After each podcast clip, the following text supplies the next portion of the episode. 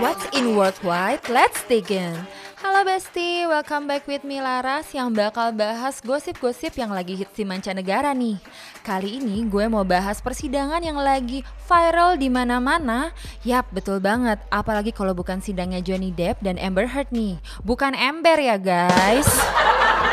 Amber Heard yang sebelumnya sudah lebih dulu melaporkan Johnny Depp atas tuduhan domestic abuse aka KDRT, sekarang justru dilaporkan balik sama sang mantan suami nih atas pencemaran nama baik.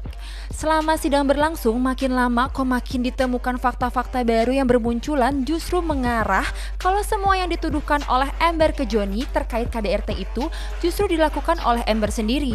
Dari mulai rekaman-rekaman suara, saksi-saksi yang didatangkan semua justru mengarah ke Amber. Bahkan banyak kesaksian aneh yang gak relevan yang akhirnya malah jadi meme warga sosmed.